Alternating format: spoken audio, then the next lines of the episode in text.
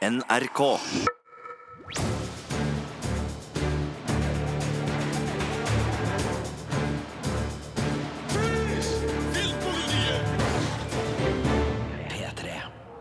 Filmpolitiet har flytta seg ut av studio og inn i en hotellresepsjon. Vi er nemlig i Tromsø, der den 29. Tromsø internasjonale filmfestival pågår. Og her er jeg, Birger Vestmo, sammen med Sigurd Vik. selveste. Jeg har vært her ca. 20 ganger. Du er nesten førstereisgutt. Ja, det er tredje gangen jeg er her på Tromsø, og det er første gangen jeg er her kun som presse. Eh, Så det her er en veldig fin opplevelse for meg å få eh, bare rett og slett kosa meg med film etter film etter film etter film. Så nå har vi veteranen og nybegynneren. Det er det som er styrkeforholdet mellom oss her nå. da. Helt riktig. Nå skal det sies at eh, når vi tar opp det her, så har ikke vi rukket å vært her så veldig lenge, og vi har ikke fått sett så veldig mye film. Men noen av høydepunktene vi har sett, skal vi snakke om i løpet av denne podkasten. Vi får òg besøk av en gjest, Carl Christian Størmer, som har regissert en snowboardfilm som har satt sitt preg på Tromsø internasjonale filmfestival i år. Du er jo gammel snowboarder, Sigurd, så det var right up your alley. Ja, for alle som har en forkjærlighet for skating og snowboard på 90- og 2000-tallet, så var det her både nostalgisk og artig og tøft og kult og lant og alt som skal til for å kose seg i både kinosalen. Pluss at man får jo brennlyst både for at vi sitter her nå og ser på bratte fjellsider som er fulle av snø, men også for at filmen eh, trigga den der kom deg ut på brett-følelsen som er veldig god, da. Men før vi snakker om alt det her, så skal vi rette oppmerksomheten mot eh, ny kinofilm. Altså filmer som ikke vises her på festivalen, men som har premiere rundt omkring i norske kinosaler nå i helga. Og aller først skal vi snakke om den japanske filmen 'Shoplifters'. もう少しさカレーの匂いのするもん拾ってきなよ父ちゃんあんま鼻よくねえからなね ねえ翔太シャンプーは？忘れた。名前は？ん？何？ゆりだって。ユリってどんな字書くの？何やここはいくつ？Shoplifters er den nye filmen fra regissør Hirokatsu Koreeda, som har begynt å få et uh, hengivent publikum også i Norge. Vet ikke Hvilket forhold har du til Koreeda, Sigurd? Jeg har ikke sett eh, de tidligere filmene hans, men jeg kosa meg med eh, en sånn krimfilm han laga sist, om en uh, kar som uh, så ut til å kanskje være anklaga for et justismord, men så viser da hans advokatavhør at tingene ikke er helt som vi tror. Så han er en veldig estetisk og, og gjennomført japansk regissør som jeg gleder meg til å se mer av. Jeg har ikke sett 'Shoplifters', så her er det du som må fortelle hva som er greia, Birger. Ja, og Jeg har ikke sett krimfilmen du snakker om, så uh, nå kan vi snakke om hver vår Koreda-sjanger. For han er jo mest kjent for disse små, stille, lavmælte familiedramafilmene som uh, utforsker familiedynamikk uh, på finurlig måte, bl.a. i 'Still Walking', som far så sønn, 'Søstre' og 'Etter stormen', som kanskje er de mest kjente Koreeda-filmene som har gått på kino i Norge. Eh, og i 'Shoplifters' så gjør han en liten vri på det. altså Det handler fremdeles om familiebånd, men eh, han diskuterer betydningen av dem, og, og hva det egentlig er som skaper dem. Og akkurat eh, i hvilken eh, betydning han gjør det, skal jeg være litt forsiktig med å si noe om for å ikke avsløre handling her. Men det her er en film som eh, har slått an eh, godt allerede, for den eh, vant selve Gullpalmen på fjorårets Cannes-festival. Og jeg så den der og ble grepet, og så den igjen nå før den skulle ha premiere her i Norge. Og eh, det bare sementerte inntrykket av at Koreda har laga en nydelig film med finstemt skuespill og et nydelig manus og eh, en, en, en stemning som eh, virker avslappende og beroligende. og Det er høydramatisk under overflata, men hvis du da bare ser på det som skjer i filmen, så, så kan det tilsynelatende virke eh, li- lite dramatisk. Eh, men det er det altså da ikke.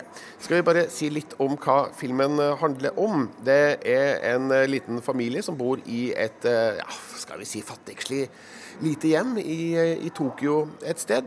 Um, det er da tre generasjoner. Det er en bestemor, og det er et ektepar, og det er konas søster. Og så har ekteparet en sønn, og de livnærer seg på ulike småjobber. Og eh, pensjonen til bestemora, og ikke minst eh, de eh, stjeler i butikker. Derav tittelen 'Shoplifters'. Eh, og det er jo selvfølgelig dårlig gjort da, å stjele i butikker, men eh, de tar bare det de trenger. Altså, eh, de, de, er ikke grådige, og de, de, de, tar ikke ting bare for å ta, de tar for å overleve. og jeg vet ikke Det er jo et usympatisk trekk, men eh, det går an å ha sympati for folk som gjør dårlige ting også, Sigurd? Ja, altså de ti bud er jo veldig tydelige, og lover og regler er jo ofte veldig tydelige, men sånn er jo ikke verden. Og man må jo se verden med de nyansene som eksisterer. Jeg husker jeg hørte om en kultur uh, i Midtøsten hvor hvis man krasjer så er det ikke nødvendigvis sånn at man ser etter hvem sin skyld det er, og så skal den skyldige betale for skadene til begge bilene. Det er den som har råd til å betale for skadene, som betaler for skadene. Så uh, rettferdighetssans er jo noe som varierer fra kultur til kultur, og som må sees i en setting. Og det høres jo her som det bygges ut en ganske sånn nyansert og, og litt sår historie rundt hvorfor da noen uh, havner på feil side av den japanske loven. Men det som skjer her, da, det er at uh, faren, Osamu, spilt av Lilly Franki Det høres jo ut som ei dame, men det er faktisk da en uh, mannlig skuespiller det er snakk om. Og um, sønnen hans, uh, Shota, spilt av Yo Kairi, de er ute på tokt. Uh, Stjeler noe, og på tur hjem igjen etter et vellykka raid. Så finner de ei lita jente, Yuri, spilt av Mio Saki, som de har sett før, og som åpenbart er forlatt og forsømt og er alene. De tar henne med seg hjem, for det må jo være det beste. Det er kaldt ute. Og hun blir etter hvert en del av familien. Eh, de eh, skjønner jo at de kanskje burde ha meldt hun til politiet, altså at de har funnet henne, men, men eh, de har ikke så lyst til å kontakte politiet av diverse årsaker. Og når da jenta til slutt blir meldt savna, så um, trigger det en del hendelser som, um, som setter flere spørsmålstegn rundt uh, familieforholdene uh, vi har blitt introdusert for. Og da stopper jeg uh, innholdsreferatet, eller handlingsreferatet, der. Men jeg syns at det her er en veldig vellykka film med mm, som sagt, solid eh, skuespill, godt kameraarbeid og en miljøskildring som virkelig sitter godt. Man, det er sikkert innspilt i et studio, eh, disse interiørscenene hos denne familien. Men det er veldig, veldig, veldig godt og troverdig gjort. Og når eh, da de til slutt blir kasta ut i dramatikk, så er det oppretta et stort emosjonelt engasjement for dem. Så jeg ble grepet og eh, revet med av denne historien. Eh, nå er det nok muligens eh, en fremmed kultur for oss, det her. Fremdeles Japan. Men det som skjer disse familiemedlemmene imellom, det, ja, det vil jeg si er universelt. For alle har en familie som man kanskje har litt sånn diverse opplevelser med. Og det tenker jeg er en av årsakene til at Koredas filmer slår an så godt også i Norge, da. Og noen av oss har kanskje en eller annen gang i barndommen naska på butikk. Det kan godt tenkes at uh, to av oss uh, har vært med på det, men uten at vi trenger å utdype det. Det er foreldelsesfrist i Norge, òg, er det ikke det? Ja, jeg tror det, Birger. Ja, det er det. er helt trygg. Eh, hvis jeg skal bare ha én innvending da mot uh, Shoplifters, bare for å pirke litt, så er det at uh, filmen når et slags klimaks på et tidspunkt. Og der tenker jeg da at Hirokatsu Koreda kanskje kunne ha effektivisert historiefortellinga litt og knytta sammen trådene litt kjappere, for den varer litt for lenge, føler jeg da, etter at ting er avklart, på en måte. Eh, hvor stor den innvendinga er, det, den er kanskje ikke så veldig stor. Eh, det er mer sånn pirk da, eh, fra en filmkritiker som har som jobb å pirke litt. Men det er uansett en fortreffelig film som altså Hvis man har sett noen av Corredas filmer tidligere, så er Shoplifters sikker som banken, altså. Så jeg gir en god, trygg femmer på terningen til Hirokatsu Koreedas Shoplifters.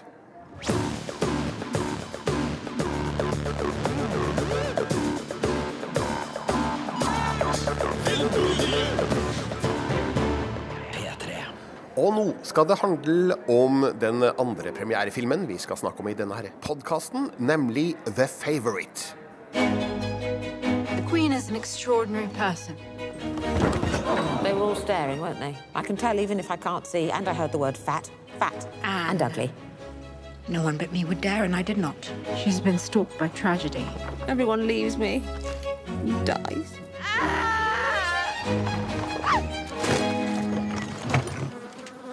I apologize for my appearance. I hoped I might be employed here by you.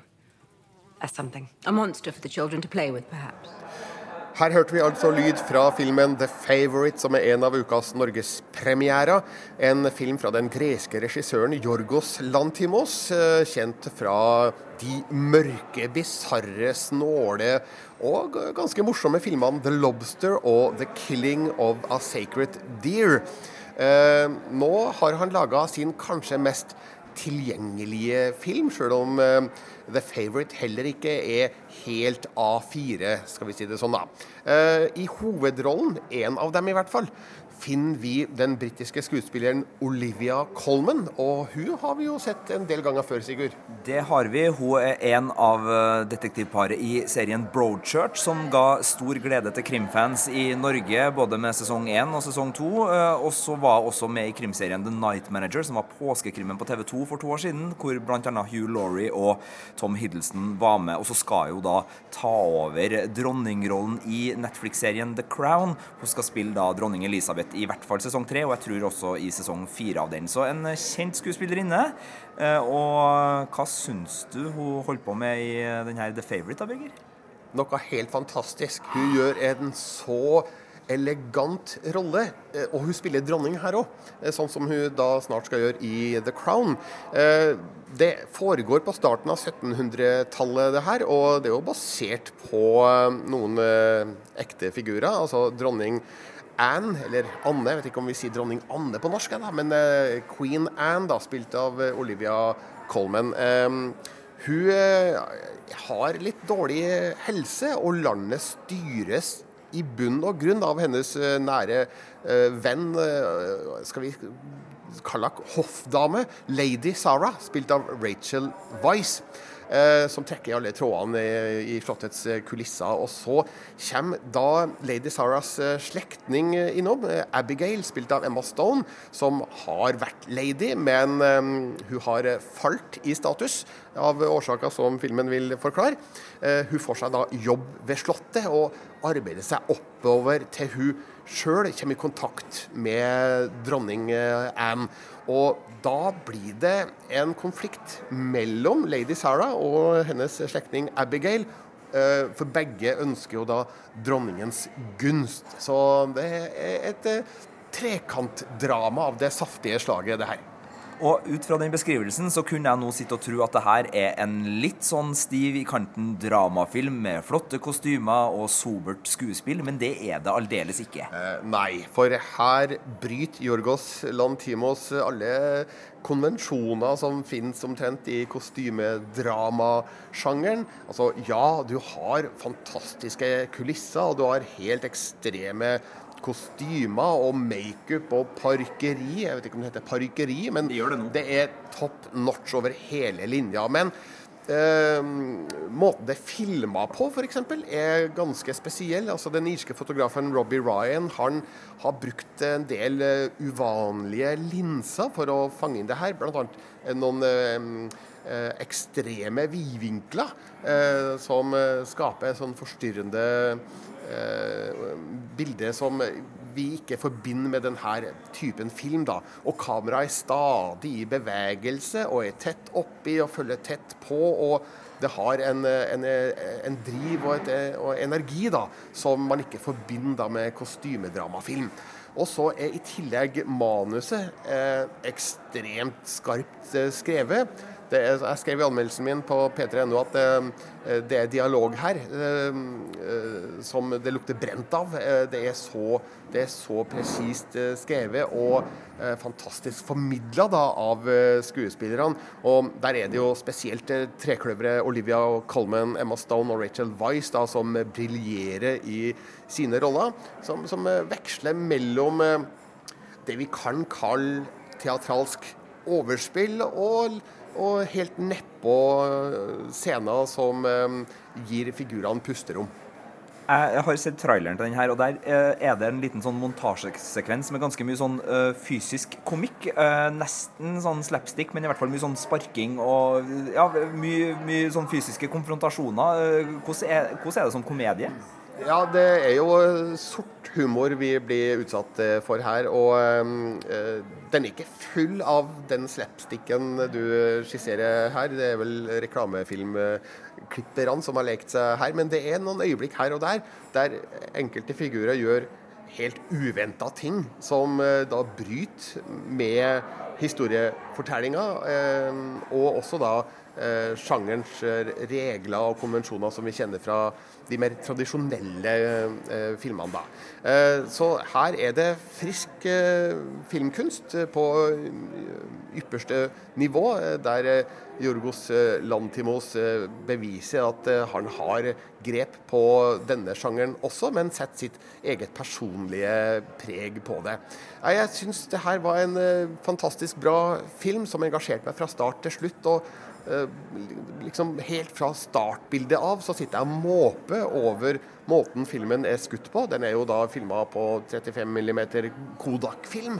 Eh, Så den har eh, den her organiske kvaliteten som eh, passer denne typen film kanskje ekstra godt, der det ikke er så mange eh, rette linjer og skarpe kanter å se. Eh, Og så mm, er det lyssatt på eh, naturlig vis, altså bare med bruk av dagslys og stearinlys og åpen flamme. Det, så De som har sett f.eks. Stanley Kubricks eh, Barry Lyndon, vil jo kjenne igjen eh, det visuelle uttrykket her, eh, kombinert med den litt her sånn ekstreme kostymesjangeruttrykket som f.eks. i eh, The Libertine, da, som eh, Johnny Depp spilte hovedrollen i for eh, noen år tilbake. Eh, Det er et par andre roller jeg vil nevne her, eh, nemlig Nicholas Holt, eh, kjent fra bl.a. Mad Max eh, Fury Road. Eh, Hva er han sier der? It's a beautiful day i Mad Max. Husker du den? Jeg husker den, men jeg husker ikke akkurat replikken eller scenen. Jeg husker bare veldig mye eh, Tom Hardy på, i ørken. Det er stort sett Men, men eh, Nicholas Holt eh, har en strålende rolle her som eh, leder for opposisjonen. Og eh, han er en saftig figur som eh, gjør sitt spesielle inntrykk da, i denne historien. Og så liker jeg veldig godt Mark Gattis, eh, som eh, spilte broren til Sherlock Holmes eh, i Benedict eh, Cumberbatch-scenen. Som spiller da lady Sarahs eh, ektemann her, som eh, blir tvunget ut i krigen som pågår da mellom England og Frankrike. Ja, og for dem som ikke har sett uh, Gattis i Sherlock, han er også uh, bankmann i Game of Thrones, må vi ikke glemme. Han er han som styrer pengesekken til Bravos, uh, og som får litt hjelp av Cersei. Men herlighet, det kan du høre mer om i Game of Thrones-podkasten. Beklager. Og Mark Gattis spiller òg en uh, fortreffelig rolle i kostymedramaserien Wolf Hall, som ligger ute på nrk.no nå. Um, ja, Det blir kanskje ikke et kostymedrama i den forstand som um, The Favourite er en kostymedramafilm, uh, men den er fullt ut uh, sebar. Um, så hva skal jeg da uh, si avslutningsvis om uh, The Favourite? Vel, det er en herlig slem film med slemme figurer som gjør slemme ting, men vi syns det er veldig gøy at eh, de gjør det. Det er en eh, burlesk og surrealistisk satire over maktspill, eh, som selvfølgelig da er knytta til samfunnsstrukturen fra tidlig 1700-tall, men som kan være morsom å se på, og trekke paralleller til maktpersoner den dag i dag. Eh, Det er en film som eh, jeg sier bryter sjangerens konvensjoner, som gjør det til en forfriskende filmopplevelse. Og så er Olivia Colman virkelig konge som dronning. Jeg, skrev det i anmeldelsen min, var litt fornøyd med den uh, formuleringa, så jeg gjentar det her. Og det her er faktisk årets første sekser på terningen fra meg. Så gå for all del på kino og se The Favourite. Filmpolitiet. Og da skal vi tilbake til Tromsø internasjonale filmfestival, som eh, pågår da i Tromsø nå. Arrangeres for 29. gang. Vi skal snart få besøk av en regissør, Carl Christian Lane Størmer, som har gjort suksess her med sin snowboard-dokumentarfilm 'There's Always Next Season'. Men eh, vi har sett eh, andre filmer her som vi har lyst til å trekke frem. Og du, Sigurd, har vært på kino og sett eh, teenagefilm. Det har jeg. Det er heldigvis sånn her i, Tromsø at det har vært noen innenfor high school-sjangeren. og Det er jo en sjanger som står mitt hjerte veldig nær. og Den jeg har lyst til å trekke fram, som jeg anbefaler alle å prøve å få sett, enten det er at den får litt kinodistribusjon eller den finnes på andre plattformer, det er en film som heter Eighth Grade. Og det er Bo Burnham som uh, har laga den her. Han er kjent fra bl.a.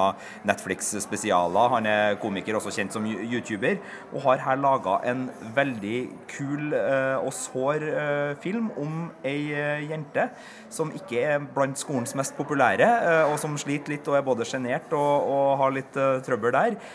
men så driver hun også en YouTube-kanal ved siden av, hvor hun driver og gir råd til både hvordan man skal få bedre sjøltillit, hvordan man skal være seg sjøl, osv. Så, videre, og så, så i det her spennet da, mellom denne personen hun prøver å være på spesielt YouTube, men også Instagram og, og gjennom sin digitale tilstedeværelse, uh, til kontrasten hvor hun da liksom mumler seg gjennom eh, litt kleine middager med far, og, og ikke minst en skolehverdag som er både vond og, og, trist og gjenkjennelig, for det er veldig mye hverdag uh, her, uh, så, så, er det en nydelig kontrast. Og, og spesielt den her kleinheten, Birger. Du vet den her kleinheten som tenåringsfilmer er så god på å få fram når de virkelig treffer. Den er, ligger i annenhver scene her uh, omtrent. Og den er kult lydlagt. Den er veldig stemningsfullt uh, laga. Man kommer inn i, i Kyla, som er hennes navn, da, sin verden, både med stemningsfull syntmusikk musikk med et kamera som ligger tett på, men som ikke liksom er veldig eh, bastant. Det er litt mer duvende, det følger litt mer med. Altså, du, det er en litt sånn henslengthet over det hele formspråket som, som jeg setter stor pris på.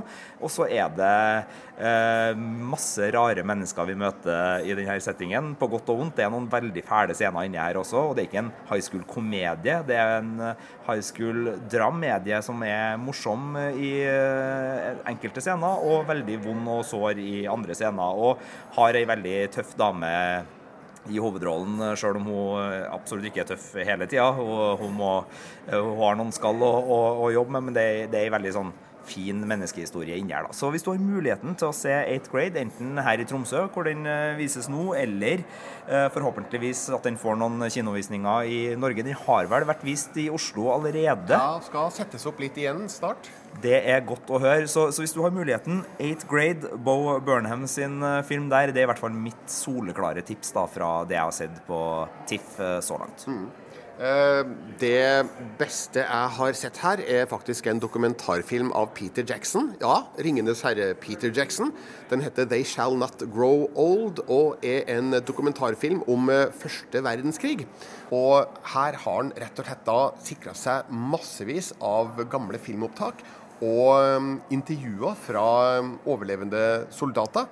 Eh, mye av det fra British War Museum og fra BBC.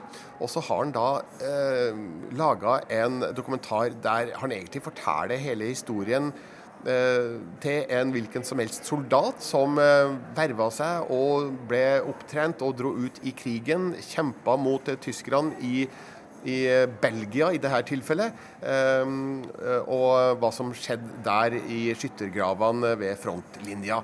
Og det er en ekstremt engasjerende dokumentarfilm som virkelig plasserer oss der, side om side med soldatene. For, eh, for det første så er alle disse intervjuene som er gjort med overlevende, eh, teipa ca. rundt 1950-tallet, etter det jeg har skjønt. Eh, de forteller veldig godt og grundig og detaljert og um, engasjerende om sine opplevelser. Eh, og for det andre så har Peter Jackson og co. gjort noe helt unikt med disse gamle filmklippa. Selvfølgelig eh, filma i sort-hvitt eh, på sin tid, eh, og med litt eh, shaky teknisk kvalitet. Men litt ute i filmen så skjer det magiske. Nemlig at eh, vi ser en sort-hvitt-scene som plutselig sklir over i farga og widescreen og 3D. Og med eh, nylagt eh, lydmiks som eh, virkelig bare gjør det hele komplett. Og det blir som å plutselig være der og se ja, eh, ekte opptak da med ny eh, teknologi. Eh, og det gir en helt annen virkning da enn å se på gamle shaky sort-hvitt-klipp. Og hvordan de har gjort det her, det, det er nesten så man ikke tror det man ser når man eh, ser forskjellen da, fra det sort-hvite og til det fargesprakende og tredimensjonale som eh, vi får se da, eh, og som utgjør brorparten av eh, filmen. Det er helt eksepsjonelt hva de har gjort her, og eh, det blir som et at det åpnes et vindu mot eh, fortida. da, og vi vi får følelsen av at de 100 åra som har gått mellom opptak og um, dokumentarfilm her nå, da, eh, det er virkelig ikke så, eh, så lenge som eh, man skulle tro. Og det er noen øyeblikk her og noen, opp, noen ansikt spesielt da, som eh, fester seg skikkelig hos meg. og um, Det gjør at man får en ny forståelse for eh, hvordan det må ha vært å utkjempe den krigen. Og eh, hva det kosta den generasjonen da med, med menn som ble satt til, til å kjempe den. Eh, så jeg føler at Peter Jackson har greid å tilføre noe nytt her. For eh, altså, det mangler jo ikke på dokumentarfilm om krig, Sigurd. Det har vi sett masse av. Det har vi sett veldig mye av. og eh, altså, Både første og andre verdenskrig spesielt er jo to kriger som både Hollywood og dokumentarister og historikere aldri blir ferdig med. Det er jo kriger hvor både fiendebildet er veldig tydelig og heroismen er både tydelig og mye greiere enn f.eks. i Vietnamkrigen, hvor liksom sånn, hvor side du var på blir veldig problematisk. Så, så det er jo populært stoff. Men eh, jeg har jo bare hørt om den her, men jeg merka det var nesten litt sånn som da Band of Brothers og Saving Pride Ryan kom, og liksom ga oss en sånn et løft da, i måten vi har historisk behandla den andre verdenskrig som det gjaldt da, på filmatisk. Er det en litt sånn tilsvarende feeling du har rundt det her? At det er et skikkelig løft i måten uh, historia formidles på? At det kommer noe nytt inn her som vi ikke har hatt tidligere i, i de presentasjonene man har sett på TV og film? Ja, altså, Mitt inntrykk er at vanligvis når man ser krigsdokumentarer, så handler det veldig mye om eh, det politiske og strategiske, og eh, vi får overblikket rundt selve kamphandlingene. Men i eh, They Shall Not Grow Old så handler det om soldatene på bakkenivå. Som kanskje heller ikke visste så mye om det strategiske rundt dem, eller hvor de en gang var i geografien. Så alt det som handler om det store blikket fra oven, det får vi ikke her. Her handler det om eh, personlige eh, betraktninger og erfaringer og, og skildringer, og det syns jeg gjør filmen eh, til en, en veldig god dokumentarfilm som gir oss et bilde av krigen fra et litt annet ståsted, et annet synspunkt. Så jeg oppfordrer alle som har muligheten til å se 'They Shall Not Grow Old'. Den får nok ikke norsk distribusjon, sånn at eh, med mindre den skal vises på andre norske filmfestivaler fremover, så tror jeg det enkleste er å kjøpe den på Blu-ray, for den er allerede utgitt i USA i hvert fall. Eh, Jeg tror faktisk også den er utgitt i England, så at du kan bare gå på Amazon eller en annen nettbutikk og kjøpe den der. Eh, Eventuelt vent på at den strømmes på et eller annet tidspunkt. da. Men har du muligheten, så gå og se den i 3D på kino med stort bilde og ekstrem lyd. For dæven, når de drar i gang noen kanoner i eh, løpet av denne filmen, så rister hele salen. Eh, Peter Jackson og co. de eh, gjør like mye effektarbeid her som i hvilken som helst annen filmproduksjon. Så det var mm, kanskje den aller største opplevelsen jeg hadde under årets eh, filmfestival i, i Tromsø, som selvfølgelig ikke er ferdig. Vi har bare sett en brøkdel av eh, filmene som eh, vises her i løpet av eh, denne uka. Eh, De har jo flere programmer her. De har konkurranseprogram, og så har de eh, et program som heter Horisonter, eh, som eh, ser utover Norges grenser. Horisont Øst, som da ser mest mot eh, ja, de gamle østblokklandene. De har eh, et eget program med fokus for Brasil. De viser eh, filmer som er mm, veldig kvinnedrevne i programmet som heter Girl Power. Eh, de tar for seg gamle spionfilmer i programmet Cold War Moving Pictures. Eh, og de har flere andre små programmer. da, og De har utekino, de har eh, kritikeruka og masse forskjellig. Og jeg må si, eh, Det er jo sånn at ulike filmfestivaler har ulikt eh, filmfokus. Det er nå én ting, men de har jo også andre kvaliteter. og For meg så er det her eh, som sagt tredje gangen jeg er i Tromsø på filmfestival. Og det er hver eneste gang en fortreffelig festival å oppleve fordi Tromsø som by passer så godt til å ha filmfestival, for det blir akkurat passe størrelse mellom ting, så det virker nesten som hele byen er i festivalstemning. Så hvis man eh, har lyst til å prøve en filmfestival som har eh, en litt sånn vinteridyll over seg, fremdeles eh, god temperatur her nordpå, og også en, en, veldig sånn samlende følelse, hvor det er tre ulike kinoer som eh, man kommer seg lett imellom, det er kort eh, vei imellom, og man virkelig føler at man er eh, i en, en festivalkjerne som det svinger av, så syns jeg at man skal sjekke ut Tromsø der. altså Den har noen kvaliteter som går utenpå bare det som skjer inne i kinomørket. Eh, det her er mitt 20. eller 21. besøk eh, på TIFF. Jeg er litt usikker faktisk når eh, første gangen var, eller om jeg har fått med meg alle. Jeg tror det. Og den virker jo å være mer populær enn noensinne. Altså Publikumstallene peker jo bare oppover, år for år omtrent. Og som du sier, det er et yrende folkeliv. Og går du på hvilken som helst kafé eller restaurant, så sitter folk med festivalprogrammene ved siden av seg og diskutere film. Og alle butikkene i hele byen har festivalplakater klistra i vindu eller inngangsparti. Så det er tydelig et veldig stort fokus på filmfestivalen eh, i Tromsø. Og man føler at eh, både festivalen og byen lever. Så her er det veldig hyggelig å, være. Og um, eh, det er absolutt å anbefale for alle som har muligheten til å ta seg en uke fri da i januar.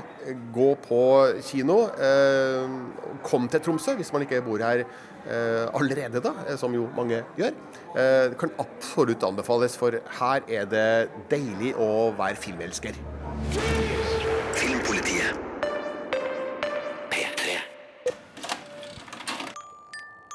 Nesten 20 år etter, var det nesten som jeg ikke stolte lenger på mitt eget minne.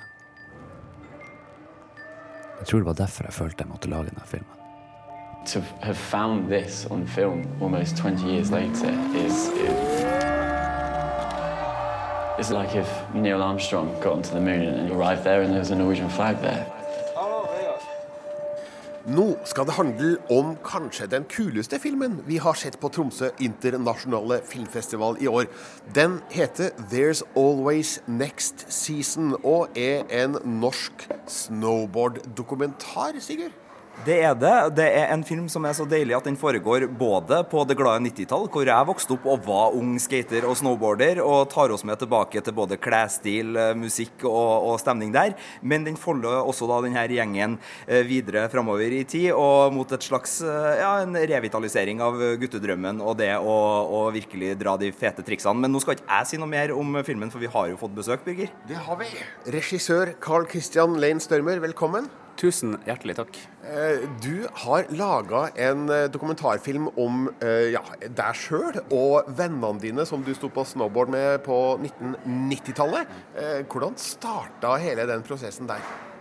Altså, Når man har holdt på så mange år som man har gjort, og det her er jo det er over ti år siden man begynte, så, så er det et eller annet med hvordan du forteller Du har fortalt historier så mange ganger, og egentlig fortalt så forskjellige historier så mange ganger, at jeg sjøl ikke engang er sikker på hva som er sannheten.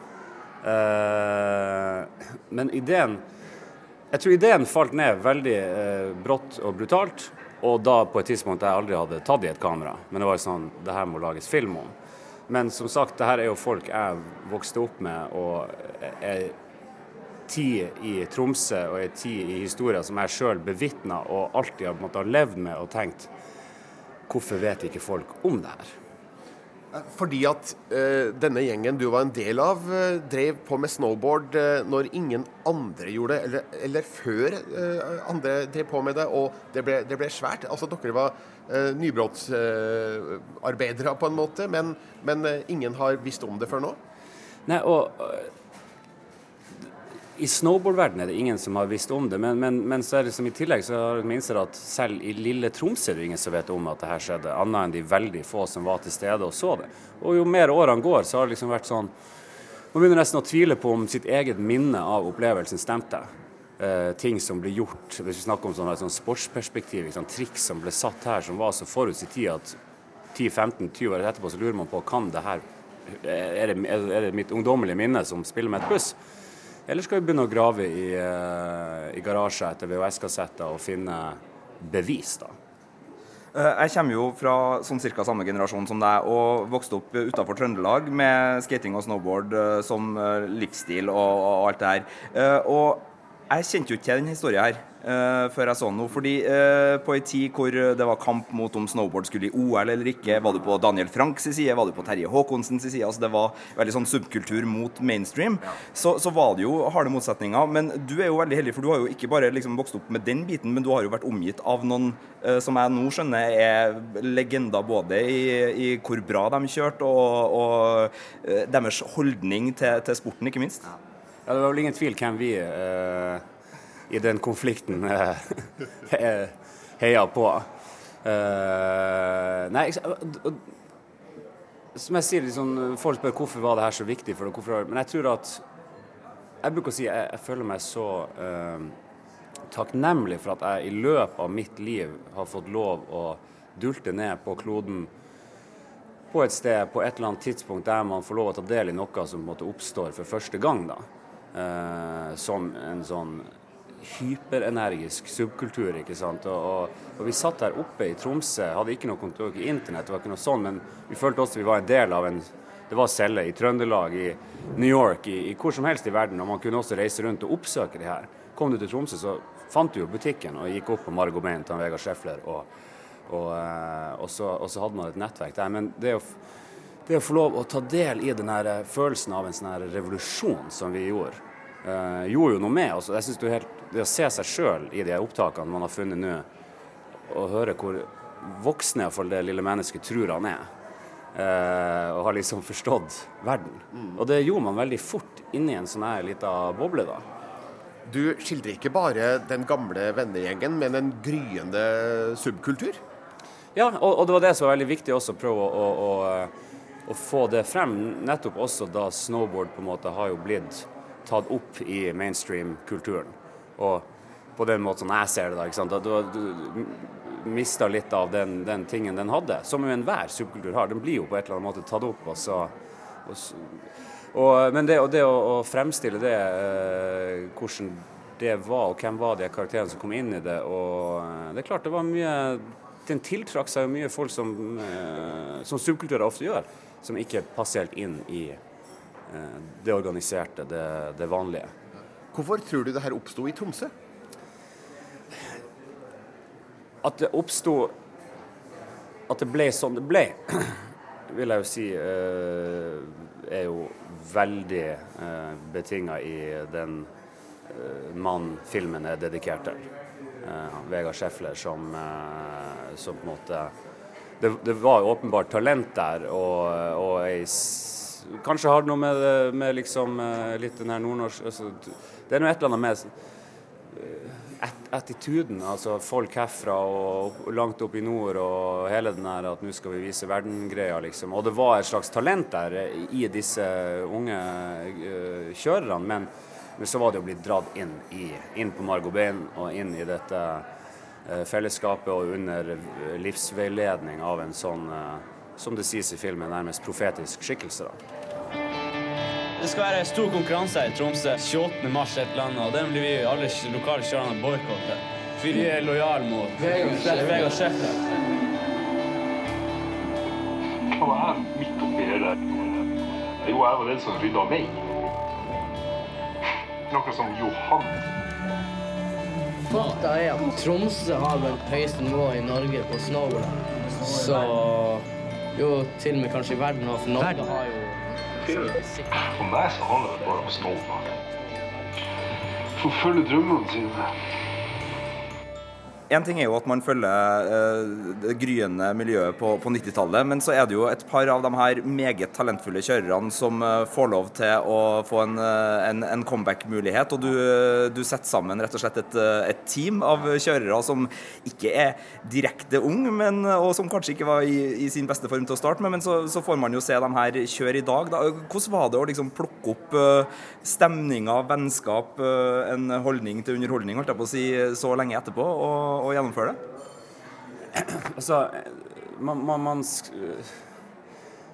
Det kommer jo veldig tydelig frem eh, i eh, altså Han ene hovedkarakteren, han Daniel Mikkelsen, som var jo den som ble profesjonell og dro ut i verden. Og han er jo den som, når jeg tar initiativ til det her, sier veldig klart ifra at det her har han ingen tro på.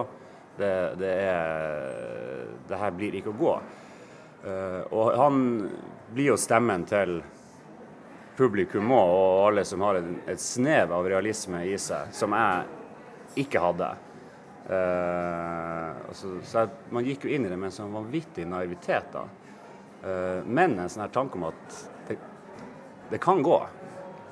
Uh, og, og da var det jo selvfølgelig det den, Folk som ikke har sett hverandre på 10-15 år. eh, bare det der gjensynsgleden som lå i det, var jo eh, medvirkende til at man, man kom i gang. Men så var det jo heldigvis noen som kunne være lederhunder, sånn som Roy Olsen, som jo aldri har slutta, som kanskje var på sitt beste i karrieren, og som bare aldri har fått sjansen, liksom. Så han leda, og så, og så, som han sier, det fantastiske klippet helt i slutten av Johannes, eh, som er en, en, liksom en helt sånn bikarakter i filmen, da, men en del av, av den gamle gjengen, som sier at han, han glemte jo at han hadde aldri vært god. Ja, du blir så revet med i, når du står der og ser de andre droppe inn på de hoppene, at han bare holder jo på å ta livet av seg og flyr 30 meter forbi landinga. Jeg hadde helt glemt at jeg kunne ikke hoppe. Så det var, det en sånn her eh, og, og jeg, jeg må si jeg blir pinlig berørt når jeg går inn og hører på Når du hører på lyden fra opptakene i den første sesongen. Altså, jeg har jo på en måte blitt sånn, levd et voksent liv og gjort andre ting i mellomtida. Liksom, lenge siden jeg var 14 og snowboardkid. Men du, og det ser jeg når jeg ser bilder av ting vi posta fra produksjonen, at det var akkurat som at jeg gikk inn i en sånn vrangforestilling. Punkt én at jeg var en del yngre enn jeg var, og at jeg plutselig var en sånn snowboard-dude igjen som ropte 'fuck yeah, dude' når folk landa triks. Sier du Stoka nå? Jeg, ja, men det har jeg alltid sagt. Den, den henger med, den, i- den er i DNA-et. Men, eh, men, men på et eller annet tidspunkt så tror jeg hele vi, uh, denne gjengen trodde oppriktig at vi var et profesjonelt snowboard-filmcrew igjen. Og jeg tror det måtte til for å klare å pushe gjennom det her. Eh, Det tok jo nesten fire år, selve snowboardfilmproduksjonen. Og på slutten så var vi jo nesten et litt sånn halvdysfunksjonelt, uh, semivelolja eh, filmteam, da. Har du eh, fått vist filmen til andre i snowboardmiljøet? Ja, vi har, uh, vi har eh, hatt noen sånne lukka visninger. Eh, da mye folk fra også brettmiljøet har sett den, og det er klart den treffer jo veldig eh, der også. Eh, men som jeg bruker som jeg var en det var, jeg i går visninga, men altså hadde, når, når det kom ei 75 år gammel dansk dame bort til meg som hadde på et, et eller annet vis forvilla seg inn på denne filmen, og, og sa liksom Jeg hadde aldri i mitt liv, når jeg gikk inn i denne kinosalen, trodd at jeg skulle bli rørt, at jeg skulle gråte litt. Altså det er sånn, så eh, Men så filmen er jo, er jo absolutt prøvd å lage den for et bredt publikum og fortelle en historie om en subkultur at, og, noe- og den her gjengen med utrolig fine folk. Og en vanvittig kul historie fra gammelt av. Eh, men man er jo veldig opptatt man må jo respektere på en måte den subkulturen man portretterer. Og det er veldig viktig at en, en som har kjørt snowboard for 20 år siden, eh, kan se filmen og, og på en måte gå god for den. Eh, og det, det sånn sikkert du vet, sant, at innenfor snowboard og innenfor snowboard-dokumentasjon, film, bilde, det er så mye regler. Eh, hva er bra stil, hva er og, eh, og, eh, og det var artig. Vi hadde jo blant annet med en, en uh, jobba i seks måneder med en eh, klipper som var svensk, og som eh, Joakim Sjager, shout-out til han, som aldri hadde, hadde ingen peiling på snowboard. Og det var jo veldig med vilje at vi tok han inn, da. utrolig flink klipper, ingen peiling på snowboard. Og i starten, når han skulle bruke snowboardshots i klippinga, så var det sånn Det, her, det, du, du, det, det, det så ikke ut i det hele tatt. Fullt sånn, du, helt feil vinkler og klipping og alt. Og uten at jeg ga noen sånne instrukser, noe sånt, så var det, så husker jeg i løpet av de seks månedene på slutten, så var det sånn ja, Nå ser det ut som en som forstår snowboard, eh, har gjort det. Og det er jo sånn her typisk sånn om det er hiphop, om det er skateboard når, når det som regel ender opp i mainstream-kulturen på et eller annet vis, så er det liksom veldig ofte iallfall ikke behandla med respekt. Uh, og det tenker jeg sånn, Hadde jeg sett på en annen type subkultur og stått utenfra, bare som filmskaper, så, så, må du jo virkelig sette deg inn i hva det her er for noe. Uh, du er jo veldig nært på det her, og du kommer fra det. Det er din film, det er du som filmer, det er din vennegjeng, det er delvis din historie, eller din vennegjengs historie. Det gjør jo at nærheten er stor og veldig viktig og god på, på mange vis. Samtidig så gjør det jo at du er lager dokumentar om folk du kjenner godt og kjenner hele historien til. I filmen så er det jo en del ting som kanskje antydes, men som tydelig ikke fortelles også. Hvordan var det for deg å jobbe med den både personlige og det etiske sida av eh, dokumentararbeidet? Jeg, jeg blir, jeg, blir, eh, jeg dras tilbake inn i år med, med, med utrolig mye vanskelige uh, ting å forholde seg til og jobbe med, og som er en grunn til at det har tatt så lang tid og som er grunnen til at jeg sikkert holdt på å bli gæren i løpet av prosessen. Uh, det er dritvanskelig.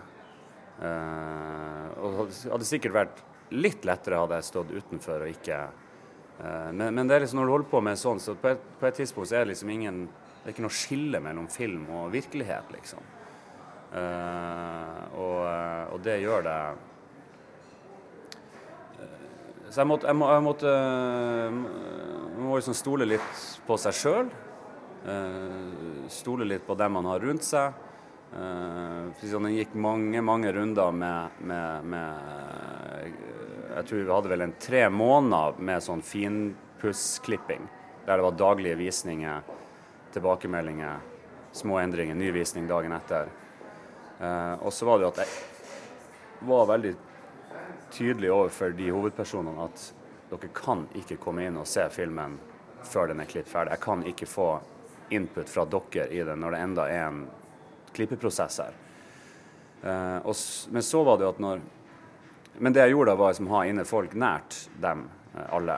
Uh, liksom, og, og, diskuterte det med dem. hvordan syns En ting er jo liksom vanskelige ting å snakke om, ting som sies mellom linjene. Også bare det hvordan folk fremstår. Altså. Det er jo og som han Stian Skjærvik sa, det er ett klipp i filmen der når han sitter og prater til meg, den lille fæle scenen når jeg liksom ser litt på meg sjøl mot slutten der.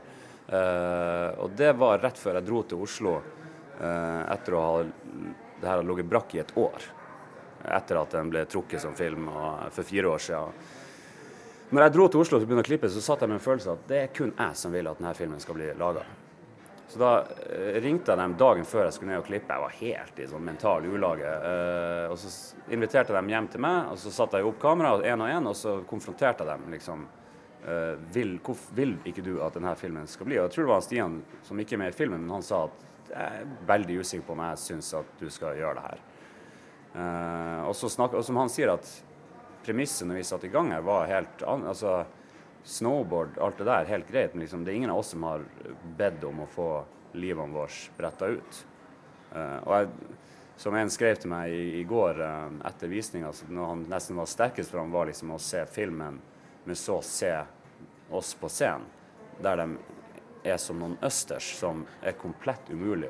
Og de har ikke bedt om å stå i spotlighten, liksom.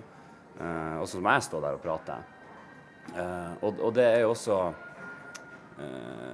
det som begynte med at nå skal vi gjøre noe kult sammen og lage en snowboardfilm, eh, blir noe helt annet. Og, det, og det, underveis må man prøve å peile seg frem til hva, hva er det vi kan snakke om. hva er det, Og så skjer det jo ting underveis i prosessen også. Det, tragedier ikke sant, som gjør uh, Der man står og liksom har ingen dreiebok for liksom hva, hvordan gjør vi det her. Uh, helt, nei, og ja, er det man kan bli gæren av så, og, og liksom at det at det er så tett på at det er dine nærmeste venner fra uh, oppveksten, som jeg vel å merke har hatt masse år uten å ha kontakt med, men nå er vi jo på en måte, har vi funnet tilbake igjen. sånn at Vi sto jo på en måte midt i en sånn her eh, situasjon der det er dine nærmeste, og du skal lage en film som du Som jeg sa til dem altså det, det verste som kunne ha skjedd, var jo at man viser så lite og forteller så lite at folk ikke bryr seg. For da er det jo helt meningsløst å lage det. Når du da vet og jeg bruker, Det jeg også bruker å si Hvis folk ser filmen, og det kommer til den eh, episke slutt, en av mange slutter, uh, scenen uh, når denne Snowball-filmen vises frem Hvis folk er en promille så stolt på deres vegne som jeg var, eller en nanopromille av å se dem se seg sjøl, så har man på en måte lykkes. Men skal man komme dit, så, så må, man, eh, må man jo eh, være ærlig, og by, folk må få vite nok til at de forstår. Så kom vi ideen om å prøve på å lage noe. Snowboardfilmen vi aldri fikk lagd. Jeg hadde slutta å kjøre snowboard for syv år siden og så vidt eh, sett et brett. Ikke kommer til å bo i Tromsø om fem år. da. Nivået er ikke der på noen punkter. Det her er bare et skrik om oppmerksomhet fra noen gamle sirkushester. Uh, There's Always Next Season er jo filmen om filmen, for dere har jo laga denne snowboard-filmen dere uh, dro ut for å, for å, for å lage. 1997 Forever, og den ble vist her i Tromsø for fire år siden. Um, mens um, There's Always Next Season, er det, er det egentlig hovedfilmen, der 1997 Forever er et biprodukt? Du, det, altså, på mange, til mister jeg sikkert øh, forståelsen av det sjøl. Og egentlig er det sånn Begge er jo er- På ingen måte skal man øh, liksom øh, Jeg husker når vi holdt på med Klart man søker penger, og man har investorer, og så man har liksom snakka om en dokumentar, og så plutselig ble det en sånn lansering av en sånn 43 minutters snowboardfilm, som jo er et helt annet, det er et helt annet språk. Eh, og så var det liksom Ja, men eh, det var ikke det vi hadde venta på. Og så, men liksom, dere har ikke skjønt hva det her er for noe. Jeg hadde knapt skjønt det sjøl hva jeg holdt på med. Eh, det krever litt å lage en 43 minutters snowboardfilm med en gjeng avdanka folk som i tillegg faktisk skal ha en eller annen verdi. Og det som jeg har sagt, at vi fikk det til, er egentlig en mye større bragd. Eh, og for eh, guttene så var jo det det var det de jobba for. Eh, det var jo liksom Hadde det her vært et band vi samla, og man skulle lage comeback-skiver, så er det jo skiver, og så kunne jeg sitte og lage en film om det. Men som, og som flere av dem sa når hele prosjektet kollapsa, og jeg på et tidspunkt sa det kommer aldri noen dokumentar, så sa de at ja, det, det driter vi i. Vi har laga det her, og den har vi for alltid og evig. Eh, og så var det jo å få dem da til å Den finnes jo kun i live-format. Eh, så vises kun når den fremføres live. Og det er jo også i tid da alt handler om eh, umiddelbar anerkjennelse og sånn, å få noen til å skjønne at du har brukt fire år av livet ditt på å lage noe som du egentlig i prinsippet nekter folk å se. Eh, fordi at vi skal kun gjøre det når vi har fullt band med oss. Men vi har jo visst den 30 ganger tror jeg, i løpet av de her årene og turnert med det og vært rundt på festivaler, både musikkfestivaler og, og og jeg innser at den der den er så tidløs i sin form, og, for den, er utrendy per, per definisjon. Det er skutt på 8 mm, og det er, musikken tilhører et annet tiår. Og, og, eh, og at det der er noe vi kan Nettopp også fordi at den ikke ligger ute og er tilgjengelig, så blir den på en måte ikke gammel. Sånn, at, sånn som nå skal vi ha på lørdag her i Tromsø. Dobbeltvisning der dokumentaren vises først, og så back to back rett over i Snowboard-filmen. og det gjorde vi i Bergen. Eh, Det var første gang den vises back to back. Og det var jo selv de involverte i filmen sa jo at eh, liksom som han Skjærvik, Stian Skjærvik sier liksom at når du har sett dokumentaren rett før og liksom snowboardfilmen begynner, altså jeg satt og heia på han Tapani, og da, jeg, jeg var så rørt og så glad for at det var akkurat som du hadde blitt kjent med dem på nytt, og så ser du produktet, da. Eh, Som de har uh, jobba. Altså, ja. Og da, da blir det en, en, eh, en snowboardfilm vi eh, har med oss videre i, i tilværelsen og livet. Til, til evig tid. Men nå vises altså There's Always Next Season her i Tromsø. Hvilket liv skal filmen få videre? Det er jeg jo veldig spent på òg. Og, det har som jeg sier Vi brukte mange år på å lære oss å lage film. Så plutselig har vi en film ferdig, innser at vi har veldig lite peiling på man, hvordan man får en film ut. Uh, og vi er vel nå i en litt sånn her fase der vi prøver å føle oss litt frem. Og det vi har landa på til nå, har vel altså De visningene vi har hatt nå rundt på festivaler, har vært utelukkende uh, basert på ikke sant, der noen har sett på et eller annet vis fått sett filmen og ta kontakt med oss og har blitt eh, liksom bevega og rørt og, og, og, og, har lyst til å vise den frem. Og, da sier jeg da kommer vi å vise den. Eh, kontra liksom å, å stå med lua i handa og eh, Please, ta oss inn. Eller Ja. Eh, For dere, spørsmål i salen. Uh, fordi uh, Jeg skal ikke si at uh, det er sært, fordi, men det er det. Men altså, der snowboardfilmen kun vises på deres premisser og vises med band og selges som en eksklusiv pakke, er du åpen for hvis f.eks. en strømmetjeneste kom og sa vi vil gjerne kjøpe inn denne filmen og legge den ut som en strømmetjeneste på selvfølgelig da til TV-publikum, er det greit for deg, eller er det ikke et liv du ønsker at filmen skal ha videre? Jo, eh, det, det Man må jo stikke fingeren i jorda og skjønne hvordan Av og til skjønne hvilke tiår man lever i. Og, eh, og eh, absolutt. Jeg vil, jo, jeg vil jo at historien skal ut. Jeg vil at historien i seg sjøl skal ut. Altså ikke filmen i seg sjøl. Og jeg vil jo at filmen skal ut og nå et, et bredt publikum. Og, og, og erfaringen min til nå er liksom at den den treffer, treffer den så jævlig. Altså folk blir så glad i de her folkene. Eh, og så er det jo veldig mange den er jo, Det er jo fryktelig mye informasjon i filmen. Jeg er klar over det. Det er fryktelig mange linjer. Det, det foregår over 20 år.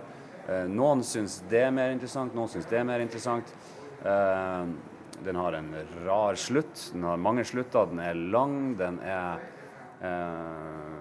man, man kunne sikkert ha gjort mange sånn eff, mye mer effektive valg, og, og valg man kanskje lærer på filmskolen eller et eller annet, hva vet jeg. Men nå har jeg sett den ti ganger sjøl, og jeg har visst den til veldig mange og, og sett den blant folk og sånn. Jeg føler meg ganske trygg på at den, den uh, uh, skal få lov å vokse liksom Uh, litt sånn organisk, og at den At det er noe man kan se tilbake på om mange år og tenke det der var vi jævla stolt av, og og igjen, som jeg sier, det flere visninger og Jeg prøver å være til stede. Så hvis noen spør, så kommer jeg og prater. Det er et eller annet med å, å, å, å se folk i øynene og prate med dem etter filmen og høre på reaksjoner. Og som jeg også sier, får vi en mail fra den plassen og det mennesket har skjedd en, så, så, så vil man dit og, og, og, og treffe de folkene. Jeg kan ta en veldig kort anekdote. Altså, den første visninga vi hadde, tre og et halvt år etter uh, fallitterklæringa her på TIFF i Tromsø Ja, for filmen skulle egentlig vise seg for uh, Ja, fire år siden. Og ble trukket som altså Det skulle være åpningsfilm. Ja. uh, Og ble trukket to uker før. Så det har vel ikke Det er vel unprecedented i filmfestivalens historie. Og, og mye kan sies om det. Eh, Det bidro i hvert fall til myten. Jeg veldig, jeg veldig beklager veldig til alle involverte. Altså, det var jo helt forferdelig der og da, det skal jeg ikke stikke under en stol, men sånn var det. Og det skjedde, og det er en del av historien. Så visste vi han på en sånn markedsvisning i Berlin i fjor, eh, for et år siden ca. Og i starten av juni får jeg en mail da fra ei dame eh, i Transylvania International Film Festival. TIFF. eh, og en lang mail eh, der hun hadde vært et av de menneskene som satt i salen i Berlin. Eh, og det er en lang historie der hun forteller liksom om eh, hvor mye hun likte filmen, men også hvordan det eh, til, til en viss grad kunne minne om ei lignende historie eh, på starten av 90-tallet i Transylvania. Eh, med et sånn her crew, med en sånn her eh, guru, eh, med eh, altså rett og slett det rumenske, transylvanske undergrunns-snowboardmiljøet på den tida. Kan dere komme Og det har kommet veldig fort sammen. Altså, det her er tre uker til. Eh, kan vi få vist filmen? Og på det tidspunktet spør hva, hvor, hva skal du gjøre med filmen. Jeg hadde ingen plan. Eh, man vil jo helst være litt sånn strategisk. Hvor har man første visninga? Det har noe å si for hvor man kommer seg videre. og sånn. Jeg tenkte liksom på tre ukers varsel eh, ned til Transylvania. og eh, lufta stemninga for et par av de her eh, mer drevne bransjefolkene rundt meg. bare, Nei, du, du, du kan ikke gjøre det. det. Og så, så, så skrev jeg det tilbake til henne. Det, det høres jo Alt er jo feil med det her. Men skal jeg følge min intuisjon, som er også er eneste grunn til at denne filmen ble laga Vi kommer. Og så googla jeg byen i tillegg. Det så helt sinnssykt ut, så vi kommer ned. Og dro ned og møtte da eh, hva heter den, så den her Seinfeld-episoden med noen sånn Parallel Universe? The worlds are colliding. Yes. Der du liksom treffer uh, det transylvanske speilbildet. Eh, og den stoltheten. De tok i det. ikke sant? Og igjen, og visste den for masse folk som aldri hadde noe eh, Verken knapt visste noe om Norge eller Nord-Norge eller snowboard eller noe som helst også, som var på denne festivalen. Og, og jeg og Roy og han Skjærvik som dro ned, satt der etter ti år eh, på et sted vi En by jeg aldri har hørt om. En festival jeg aldri hadde hørt om. Eh, blant masse folk vi aldri har truffet. Og tenkte det her er jo den perfekte starten for filmens reise. Og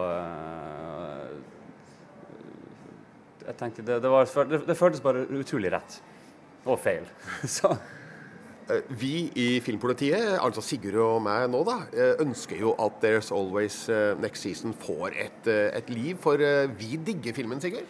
Eh, Det gjør vi. Vi ble både er, Altså, jeg grein. Uh, I tillegg til at jeg kosa meg. Og jeg følte den traff på flere plan, fordi den funker veldig godt som en snowboardfilm som eh, får deg til å bli gira, enten du driver med snowboard eller annen type idrett eller musikk eller et eller annet. Altså, den bare kickstarter og inspirerer. Det ennå. Men det er ei historie inni der uh, om noen mennesker og en vennegjeng som fungerer uavhengig, og som er både rørende og uh, litt vond, og veldig god og, og fin. Så jeg syns den Du har truffet med en blanding da, eh, av eh, opplevelsesfilm og dokumentasjon av ei scene. Og jeg er jo en sånn fyr som digger gamle dokumentarer om liksom, enten det er ei lita musikkscene i Washington på 80-tallet, eller om det er Hæ? Salad Days du Ja, ja, for eksempel? Ja. Ja, og, og, så, øh, men, men den har også de kvalitetene da, med at liksom sånn Å ja, søren, Margot Bain, ja. Ja, ja, ok, ja, ja, det var sånn skatesjappe der òg, ja. Så, så nei, jeg- den traff meg skikkelig godt, altså. Ja, og du er jo snowboarder, Sigurd. Jeg har aldri stått på snowboard, men ble like fullt interessert i denne subkulturen som eh, tegnes et bilde av eh, her. Men mest av alt interessert i personlighetene og deres historie. Og dette er one more shot for glory-aspektet, som jo er universelt. eh, eh, og som er veldig populært eh, også på, på film. Så jeg syns at There's Always Next Season den er fullt severdig for noen som ikke har det ringeste anelse om hva snowboard er.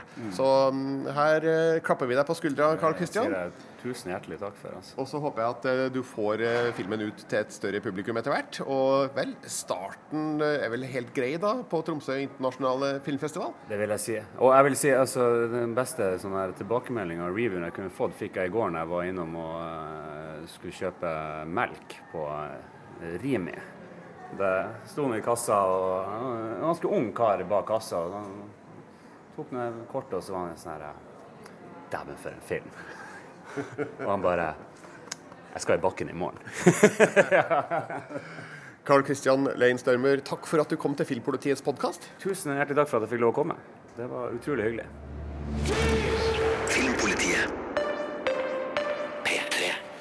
Da er det på tide å sette punktum for denne podkasten fra Filmpolitiet. Denne eh, uka altså på Tromsø internasjonale filmfestival. Eh, vil du lese om eh, andre ting som skjer i filmens og serienes verden, så kan du gå på p3.no Filmpolitiet. Og så har vi også en annen podkast gående, Sigurd. Det har vi, og det er en ganske så rykende fersk episode ute av Game of Thrones-podkasten. Det er Game of Thrones-podkasten med K som ligger ute nå, hvor jeg og kollega Marte Hedenstad går gjennom nå Game of Thrones sesong for sesong opp mot premieren den 15. april. Så eh, serielysten vår er ganske stor for tida. Vi håper så mange som mulig da blir med oss på den eh, kosen det er å se igjen eh, godt. Vi blir veldig glad hvis du gir oss en rating og en tilbakemelding der du har henta denne podkasten. Takk for eh, følget i dag. Jeg heter Birger Vestmo. Jeg heter Sigurd Vik. Ha det bra.